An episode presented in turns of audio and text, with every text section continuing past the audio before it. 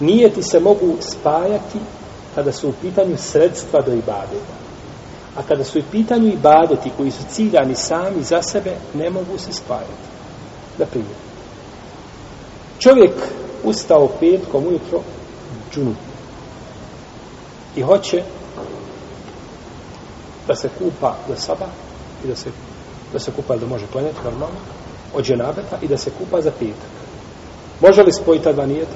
može. Može. Zašto? To što nije cijelo.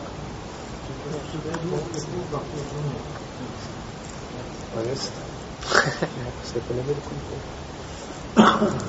Zašto? Sad sam rekao. Molim. Idemo opet nazad. Da ne idemo napred, da nismo razumeli ono što je prošlo. Kazali smo da se nijeti mogu spajati tamo samo kada su u pitanju sredstva do ibadeta. Kupanje. Je li ono ciljano samo po sebi ili ono sredstvo sredstvo, ili, sredstvo za ibadet, da bi se očistio, da bi ibadetio. Jer da, se, da nije čovjek džunup, bi se morao kupiti. Ne bi. Jer da ne mora ići na džunu, bi se morao kupati. Ne bi.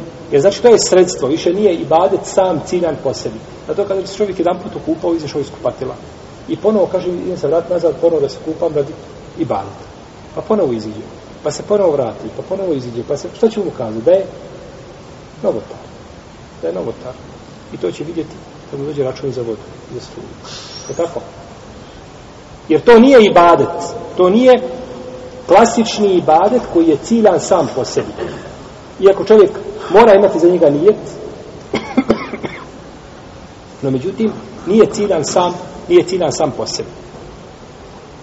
Za razliku recimo od toga da čovjek dođe i da klanja dva rekiata podnevskog sunneta prije farza. Kaže, ne, ne, spojit ću ja četiri rekiata sa farzom. Sunnet spojit sa čime? Farzom. Može li to? Zašto? Zato što su i badeti ciljani po sebi. Podnevski sunnet je ciljan šta? Po sebi. I farz je ciljan po sebi. No, međutim, čovjek dođe i klanja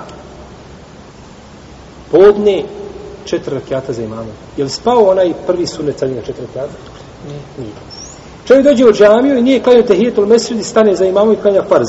Je li spao tehijetul mesrid? Jeste. Zašto? Recite sad da tehijetul je, je cilja tehijetul mesrid posljed? Nije. Nije. Nego je to da klanjaš prije nego što? Šta? Sjedneš. Možeš čovjek biti cijelog života nekada gledati da klanja tehijetu mesiju. Uvijek otiše klanja sunete, uđe u džamiju, čuje, kada čuje i kamet, dolazi na farz, klanja i izvije napod i klanja sunete. I ne mora nikada. Hoće mi zbog toga griješan? Hoće mu kazi da je ostavio sunet? Nećemo, jer on nije bio u prilici da klanja šta? Niti je bilo potrebe da klanja taj namaz.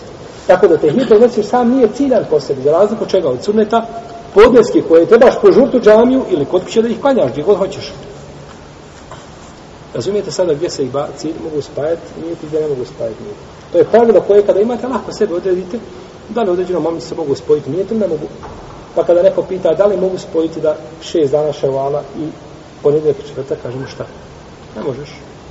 Ne možeš, osim kada bi čovjek htio da to posti u komadu, pa bi ga zadesio jedan od ta dva dana, a ob, običavaju da to posti, ja molim Allah da mu dadi tu nagradu. Međutim, ne možemo kategorički tvrditi za nje.